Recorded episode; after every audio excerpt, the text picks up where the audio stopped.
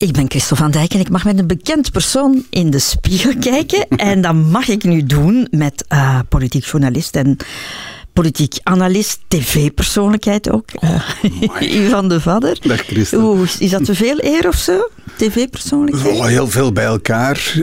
Ja, ja, ik noem mijzelf politiek journalist of analist. Dat zijn de dingen die ik zelf meestal gebruik. Al de rest doet er ook minder en minder toe. Um, ik denk dat we aan het evolueren zijn. Um, het gaat er allemaal minder en minder toe doen. En, en dat kleine ding, hè, die smartphone uh, internet, alles wat, wat digitaal is, gaat een veel belangrijkere rol spelen in, in die mate dat, denk ik, tv-persoonlijkheid eigenlijk niet meer um, ertoe zal doen. En daarom dat ik ook denk van, goed, laten we dan maar meteen voor de kern van de zaak gaan als politiek journalist of, ja. politiek analist. Je bent hier uh, om in de spiegel te kijken, hè? Uh, ja. Hoe is jouw relatie met de spiegel? Zal ik daarmee beginnen? Oh, die is, um, die is oké. Okay. Ja. Ik uh, vermijd de spiegel niet. Er zijn een paar dingen, en dat heeft iedereen wel, denk ik. Uh, laten we zeggen, een paar kilo's te veel, een paar, serieus paar kilo's te veel. Dus dat zie je wel in de spiegel. En dan heb ik het vooral wanneer je de volle lengte spiegel neemt. Dan, ja, dat is wel een confrontatie. Um, en voor de rest heb ik daar eigenlijk, als ik bijvoorbeeld nu naar de spiegel kijk, zie ik een, een, een koortsblaas. Ja, kijk, ik, ik heb een spiegel bij, ik ga hem aan jou geven. Dus je mag echt eens kijken en, en, en jezelf beschrijven. Dus een, een koortsblaas is iets wat ik al heel mijn leven heb. Is dat echt? Ja, ja. Dus dat duikt heel geregeld op. Dus dat vind ik heel vertrouwd. Dat... En heeft dat met iets te maken met, met stress? Of, of? Uh, nu heeft het te maken met in de zon gaan wandelen. En ik heb een tik nerveux als ik, als ik uh, inspanningen doe. Dat is, ik lik aan mijn lippen. En dat geeft, ja, is natuurlijk niet goed. En dat, dat geeft dus inderdaad een, een soort uh, uitslag. En als je dan heel erg ook in de zon daar gaat lopen, dan krijg ik bijna je kan er gif op innemen, krijg ik een koortsplaats. Voilà. Ah ja, en dat is altijd al zo geweest? En dat is altijd al, al zo geweest. In andere momenten is het inderdaad stress, maar nu is het puur vakantie. En, en dus die combinatie van het likken aan de lippen, wat ik al sinds mijn jonge jaren uh, doe, wat ik probeer te vermijden, maar dat gaat niet. Ik mm. zie mijn vader dat nog doen. Mijn vader deed dat ook. Mijn vader is, is, is uh, al heel lang uh, overleden, maar dat was iets wat hij ook deed aan zijn met de tong mhm. zo even die lip, lippen bevochtigen. En ja, dat geeft dan met dat speeksel een, een uitslag. Maar dat ook te maken, of het heeft soms ook te maken met stress, ja, zeg je? Ja, ja, ja. Nochtans lijkt je met iemand die heel stressbestendig is. Uh, ja, maar dat, dat is het, het, uiterlijke kenmerk. In, in, inwendig ben je toch nog altijd uh, op sommige momenten heel erg onder stress bezig. En dan is dat niet de uitzending. Dat is al lang gedaan. Het idee van de deadline of stress bij de uitzending. Maar in, in het werk dat ik uh, op dit moment doe, die politieke analyse, loop ik heel vaak op, op een heel dunne lijn. Um, wij zijn lid van de openbare omroep. We zijn geen uh, krantenjournalisten die heel makkelijk een standpunt kunnen innemen. Die ook, mm, ook ideologische standpunten geregeld innemen, afhankelijk van de, krant uh, waarbij je hoort. Uh, waarbij ook een lijn van een krant wordt, wordt uit, naar buiten gedragen en die lijn wordt dan ook verdedigd en, en gekozen. Bij, de, bij ons, bij de omroep, is dat een, een, een stuk minder. Minder uitgesproken, minder makkelijk. moeilijker dus eigenlijk. En ja, dat zorgt wel eens voor, voor van oké, ben ik hier goed bezig? Heb ik dit goed aangepakt? Is dat correct?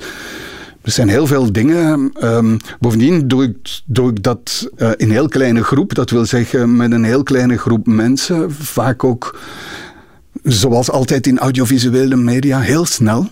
Wij zijn de snelste die met een opinie of een mening komen, of een analyse, als je het zo wil, uh, wil zeggen. Een krantenjournalist heeft daar op zijn minst twaalf uur over om eens na te denken. Uh, en dan de dag nadien verschijnt die column met heel fijne zinnetjes en, en uitgewerkt. Wij hebben soms maar 10, 15 minuten op zijn maximum. Ja, en, en, dan moet het er staan.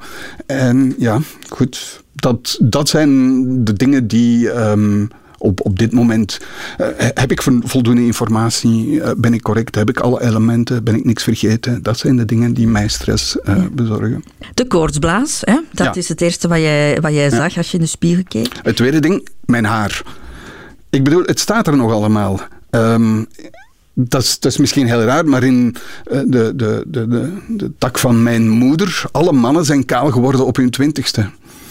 Dus, Zo vroeg? Ja, ja. dus mijn onkels ehm, allemaal ja, kaal, mijn grootvader. En dus dat was zo, ja, dat is altijd van, ja, oké, is er nog. Uh, ik, ik ben niet kaal aan het worden. Dus toch een vorm van ijdelheid. Zal ik het zelf invullen, Christel? Ja, ja, ja. absoluut. Oké, je hebt het gezegd, ja. En is, is het eigenlijk al grijs? Ik, ik vind het eerder blond. Nou, grijs is het... Nee, ik denk niet. Dat, er zitten wel wat grijze haren in. En er zit hier zo van achter een klein tonsuurtje van... van en dat zie je dan als je langs achter gefilmd wordt.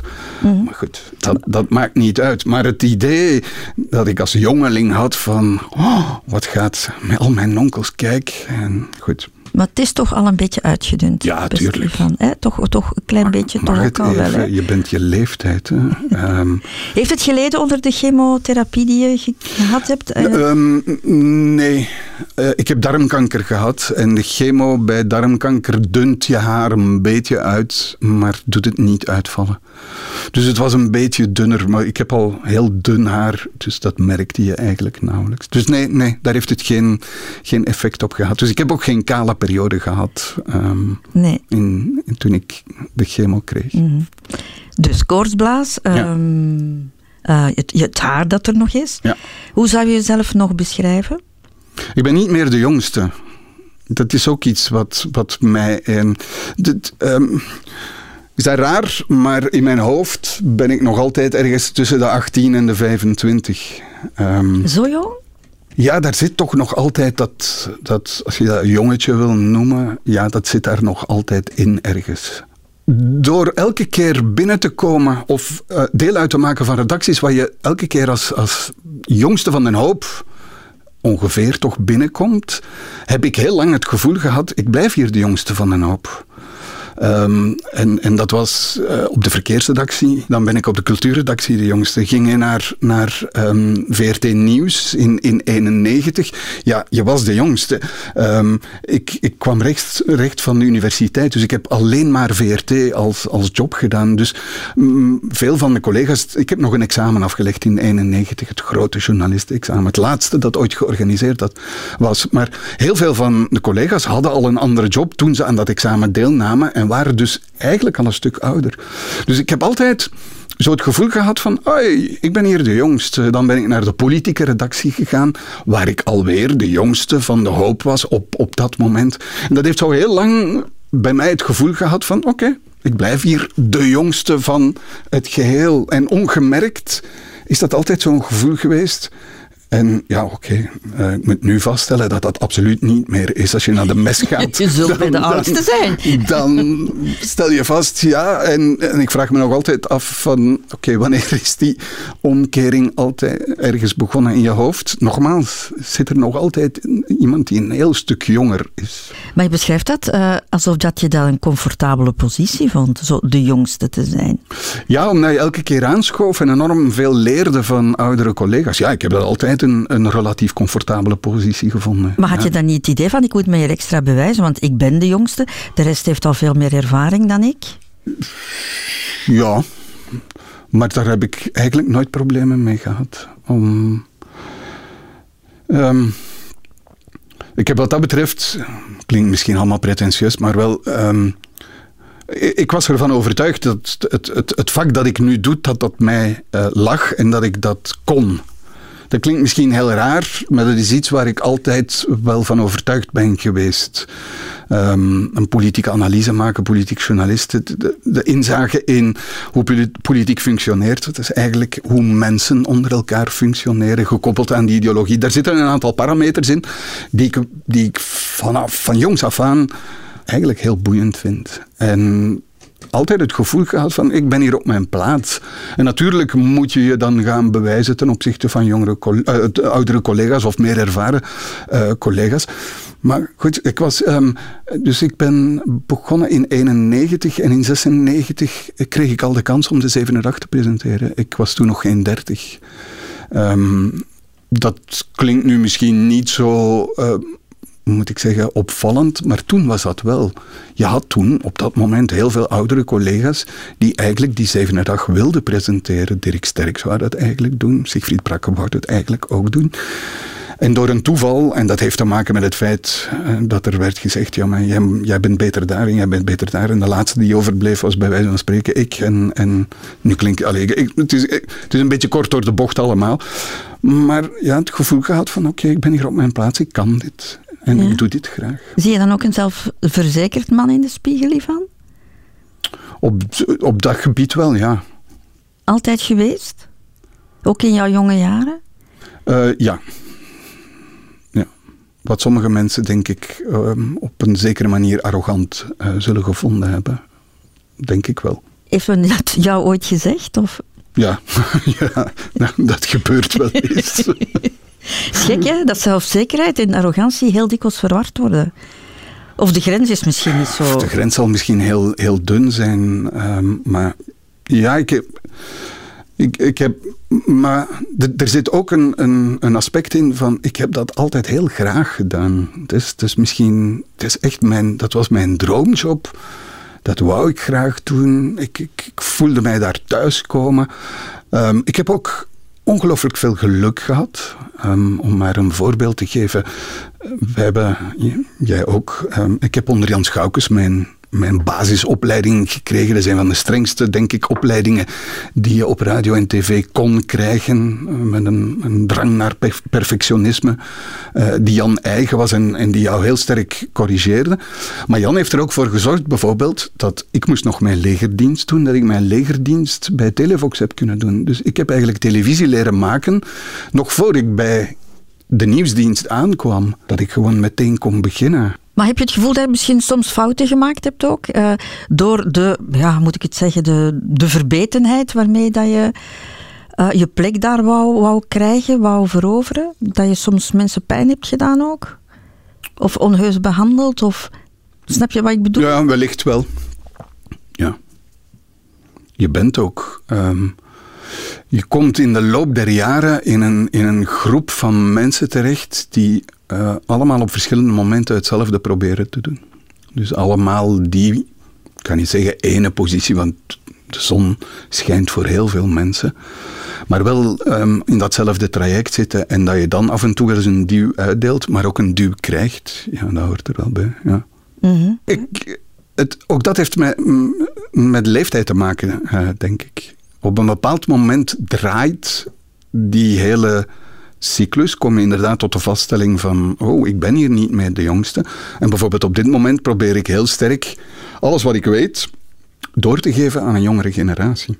Ja, maar heb je schrik ook van de hete adem van die jongere generatie? Want op een bepaald moment gaan zij doen wat jij hebt gedaan en gaan ze jou misschien toch wel even in een hokje duwen. Ja, um, be my guest zou ik zeggen, doe alsjeblieft, want het, het, zal onvermijdelijk op een dag moeten gebeuren. Maar vergeet niet dat uh, in mijn vak, um, politieke journalistiek, een geheugen een beetje zoals bij de wijn is. Hè. Hoe ouder je wordt, um, en nu ga je zeggen totdat hij ranzig wordt, maar, maar vaak helpt het wel om een goed geheugen te hebben in, in wat ik doe. En dat merk ik ook bij collega's die ongeveer even oud zijn. Walter Pauli van, van de Knak, Johnny van Zevenhand van, van de radio.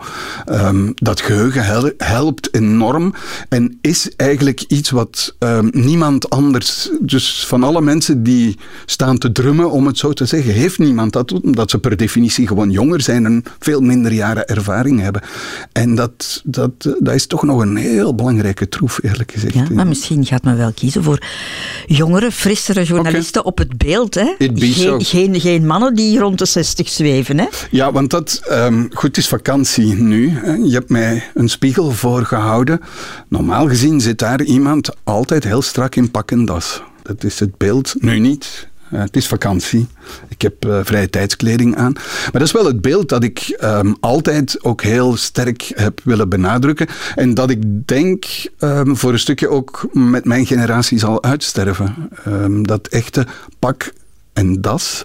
Pak zal misschien nog blijven, maar das wordt alsmaar zeldzamer, omdat dat ook van een oudere generatie is. Dus ja, op een bepaald moment gaat men voor een andere stijl kiezen. Ga je daar dan in volgen? Uh, nee, ik ga, ik ga denk ik mijn tijd uitdoen en blijven zoals ik ben. Da, daar denk ik ga ik weinig aan veranderen. Ik wil, en het zal niet op die das aankomen, uh, maar nee, dat, dat, ga ik, dat ga ik niet meer doen.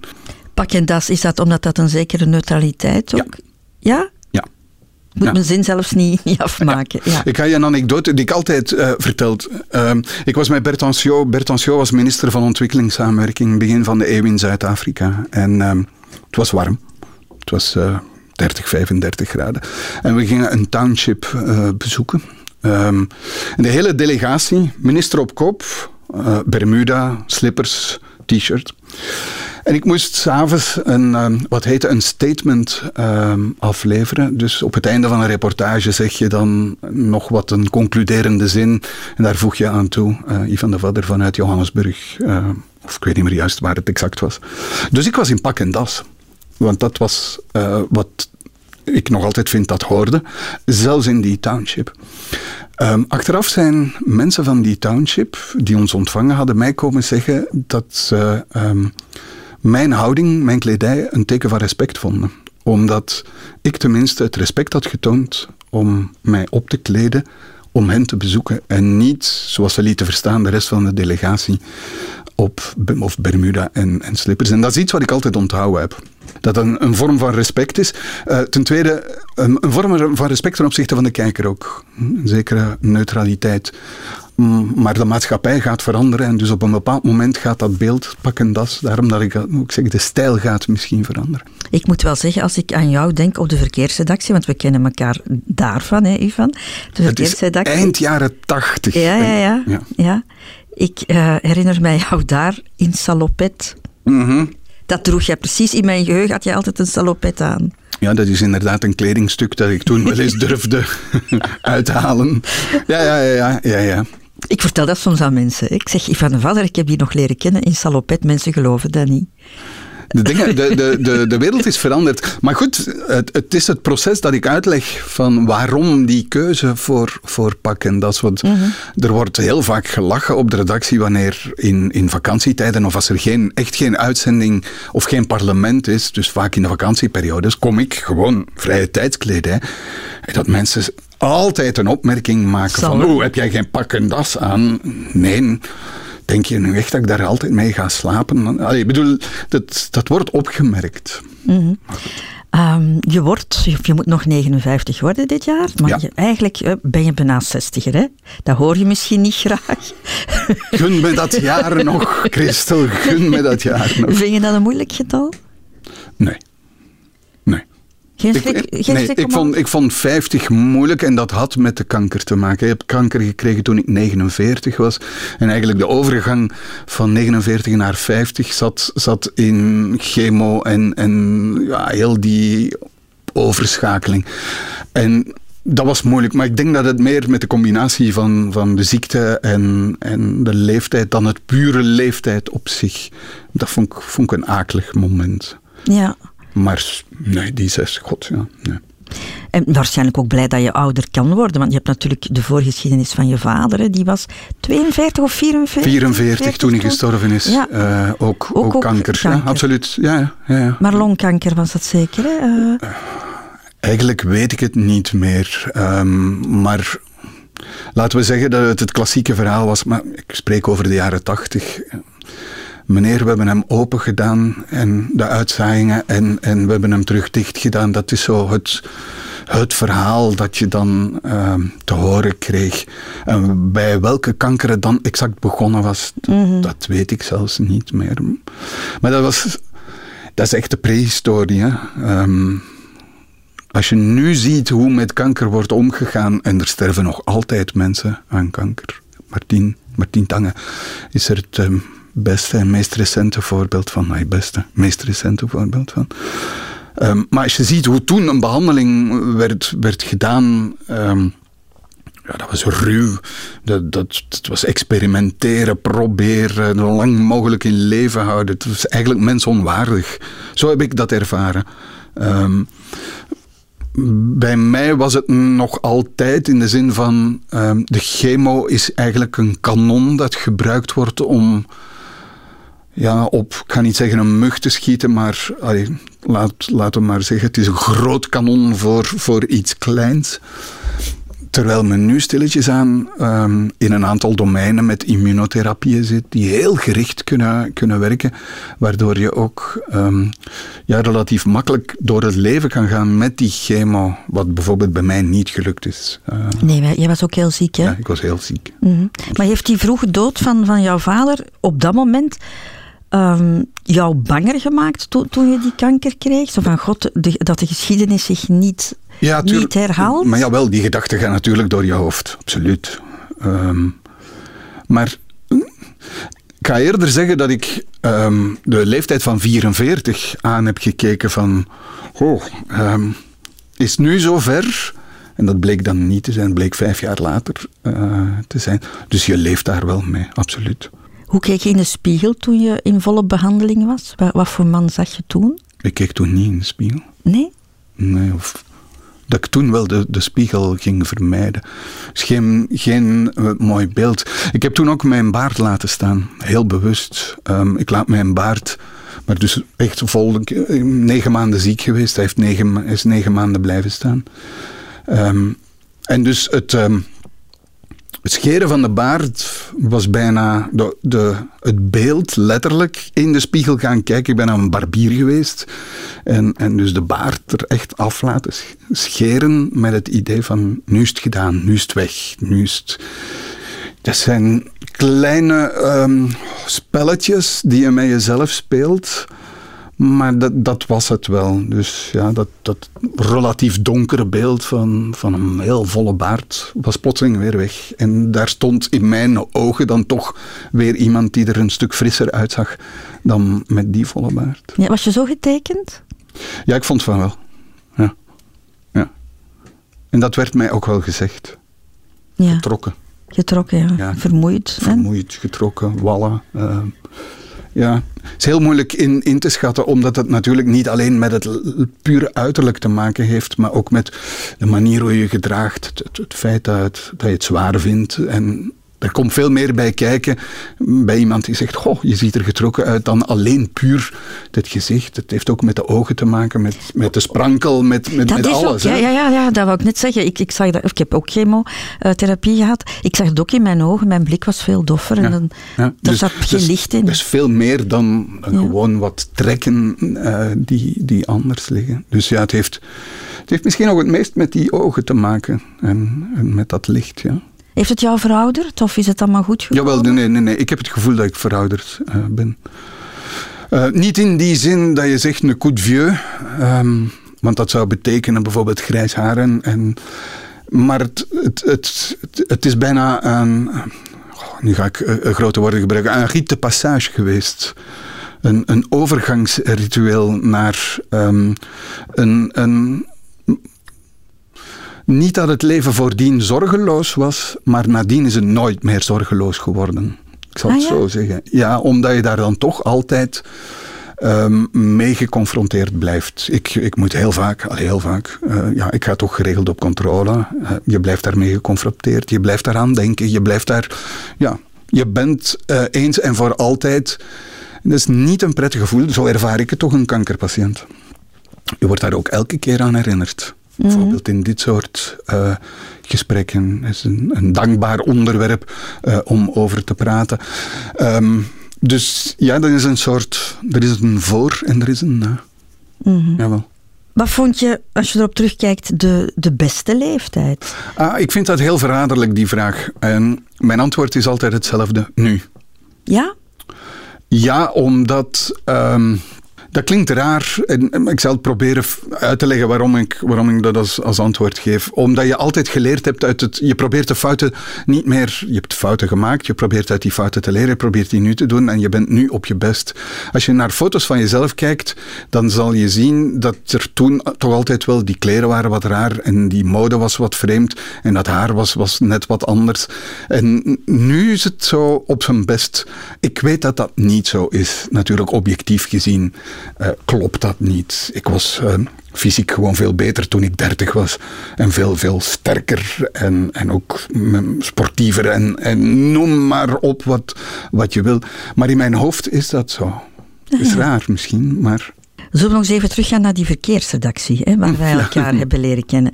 Het kan zijn dat mijn geheugen mij in de steek laat, maar ik kan mij jou zo herinneren op dode momenten, als het rustig was, dat jij zat te studeren. Klopt dat? Ja, dat was voor het, voor het journalistenexamen. Hè? Absoluut. Ik, ik vond jou toen een ernstige jongen. Zo. Ah, mooi. Ja, oh, ja je, je, zat met je neus in de boeken. Hè. Ja, maar dat was ook heel belangrijk. Dat was het laatste uh, grote journalistenexamen. Mensen kunnen zich daar misschien niet bij voorstellen, maar dat begint met 1500 mensen in, in, een, in een hal van Flanders Expo. Allemaal aan een tafeltje en allemaal 30 vragen. En daar blijven na die eerste ronde, bleven er denk ik een stuk of 50 mensen over van die 1500. Dat is een behoorlijk klein percentage. Daar moest je dus absoluut bij zijn. Want bij de volgende stappen was, was de afvallingsratio veel kleiner. Dan verdwenen er af en toe nog een paar mensen. Maar je eindigde, wij zijn geëindigd denk ik met een goede 25 van die 50 die na die eerste ronde overbleven. Dus dat, dat, ik moest daar door uh, ja, ja. absoluut. Dat, maar als jij iets in je koppetje steekt, dan moet het er ook, uh, ook uitkomen. Ja, hè? Precies, hè? Ja, hè? ja. Als jij jezelf een doel stelt, maar dat is dan ook gelukt. Ik was daar heel blij om, omdat dat toen, opnieuw spreken we uit de jaren tachtig, je had eigenlijk maar weinig manieren om op de VRT goed te beginnen toen. Zeker als je als, je journalist uh, wou, wou beginnen. Alles was nog stevig dichtgemetseld. Wanneer je nieuws wou maken of, of als journalist iets wou doen, ja, dan was er maar één manier. Dat was in dat ja. examen slagen. Er was geen andere manier. Tegenwoordig um, nemen wij mensen in dienst na een paar korte proeven of nemen wij mensen gewoon in dienst omdat we uh, appreciëren wat ze op andere plekken uh, doen. Dus daar is een veel grotere soepelheid gekomen in het aannemen, aanwerven als je in de spiegel kijkt, uh, Ivan, wie zie je dan, je vader of je moeder? Alle twee. Uh, met allebei een even belangrijke. Uh, je vader verliezen wanneer je, je, ouders verliezen, is nooit. Uh, mijn echtgenoot heeft haar twee ouders nu dit jaar verloren. En dat klinkt dan raar, maar het is altijd te vroeg. Dus je vader verliezen wanneer je zelf 17 bent, is zeker te vroeg, sowieso. En dat, dat legt wel een, een ja, dat, dat heeft een impact op je leven. Het heeft het toch op mijn leven gehad. De, de leidende hand, ja, zoiets? Ja, ja, je gaat zelf op zoek. Dat is de weg die ik dan toch gevolgd heb. Um, ik heb me dan helemaal losgemaakt. Um, en, en in een soort uh, poging van onafhankelijkheid en het, het zelf maar uitzoeken, uh, geprobeerd mijn, mijn leven uh, te vormen. Dat is, ehm, dat is gelukt en niet gelukt. Ja. Maar is een moeder softer misschien in, in het omgaan met, met haar kinderen? Ik alleszins wel, maar goed. Dat um, heeft een rol gespeeld. Um,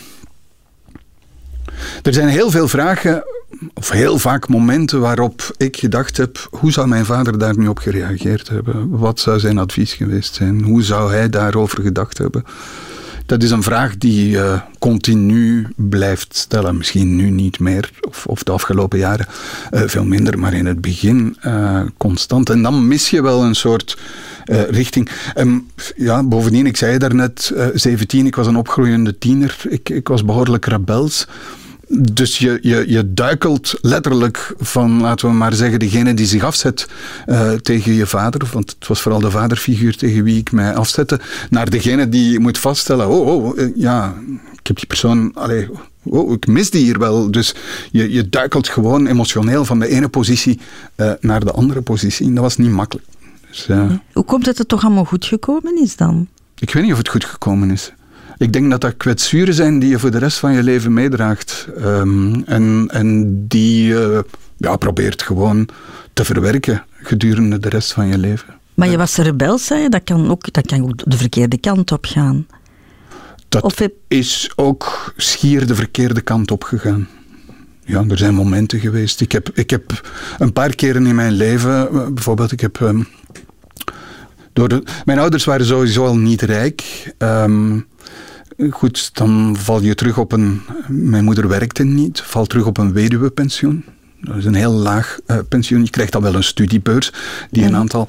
Maar ehm, de afspraak was wel, ja.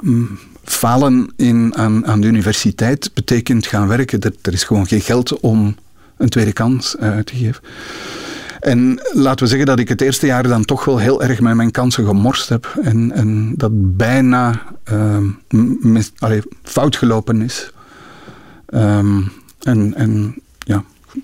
Dus er, er zijn momenten waar, waarbij, eh, waarbij het niet altijd even zo goed is gelopen. Maar uiteindelijk dan toch Maar gekomen toch, dan is. moet er Ja. toch iets in jou gezeten hebben dat dacht van, kom aan de vader. Ja, Of er zit een, nee, er zit een zekere hardnekkigheid. Eh, ik heb dus een heel zware tweede zit gehad en ik ben als een monnik gaan leven. Ehm, om, om die tweede zit die ik dan nipt gehaald heb, waardoor ik naar tweede kan kon gaan. En, Oef, en- ja. ja, oef. En, Dus die ernstige jongen van de verkeersredactie, ik had er gewoon een beetje een verkeerd beeld van. nee, nee, die kon zeer ernstig zijn. maar ja, ik denk dat eh, mijn medestudenten ehm, ja, toch even de wenkbrauwen zouden fronsen of zullen fronsen wanneer ze dit horen. Ik heb, zeker het eerste jaar, maar eigenlijk daarna ook. Ik heb, eh, ja, ik heb heel veel genoten van het eh, studentenleven. Ik heb ervoor gezorgd dat ik in, in de verdere jaren ehm, het, het geheel onder controle krijg. Maar ik heb veel meer gedaan dan alleen gestudeerd. Ja. Laat het zo zijn. Dat is goed. Hè? Ja, ik heb daar ook veel uit geleerd. Ah, nog eens in de spiegel kijken. Mocht, eh, mocht je iets kunnen veranderen aan jezelf? La- louter fysiek, wat zou het dan zijn? Oh, ehm, gewoon 10 kilo minder. 10 kilo minder. Ja. Wat eigenlijk ehm, in handbereik ligt. Ik bedoel, dat zou moeten mogelijk zijn, maar ja, ik drink graag een glas en ik eet graag ehm, wat lekkers. Meestal de dingen die lekker zijn, zijn dan ook het, het zwaarst. eh, en En ja, en met ouder worden natuurlijk is het ook een beetje moeilijker om wordt het het moeilijker om dat eraf te krijgen. Dus maar mocht ik iets, iets eh, echt veranderen, dan zou ik zeggen, ja, die 10 kilo. Omdat het, eh, ik weet het, want ik heb het ooit gedaan, die 10 kilo. Ja, het maakt gewoon een verschil. Je bent ranker. Je, goed, je postuur is anders. Je komt, oh, maar bon, zwart. Goed, dat is misschien voor volgend jaar of, of. En wat vind je het mooiste aan jezelf? Ik, ehm, eigenlijk mijn ogen. Dat is, ehm, ja, dat is iets wat ik, ja, nu doe je mij, ja, ik denk het, ja, mijn ogen. Ja? Ja. Ik vind jouw houding ook wel mooi. Dank je. Staat recht. En je- Maar ik vind de ogen heel belangrijk. Je, je, je, je hele zijn gaat door de ogen. Ik bedoel, ik probeer je recht in de ogen te kijken, want ik probeer ook gewoon waarheidsgetrouw te antwoorden. Als ik zou ehm, dit doen tijdens mijn antwoord, dan zou jij heel ambetant beginnen worden. Ik kijk nu weg terwijl ik aan het antwoorden ben. Dat is niet leuk voor jou. Jij wil dat ik. Die ogen zijn zo belangrijk. Je verleidt iemand door de ogen. Je bent kwaad met je ogen. Ehm, dus ja, ik, ik vind dat een, een heel belangrijk. En ja, ik vind dat ook mooi. Ik heb blauwe ogen. Dus, Mhm. Heel, heel blauw, hè? Ja, ja. ja. Mhm. Maar ook de houding. Ik vind jouw houding ook heel mooi. Voilà. Dankjewel. Met dat compliment gaan we eindigen. Dankjewel, Dankjewel. Christel.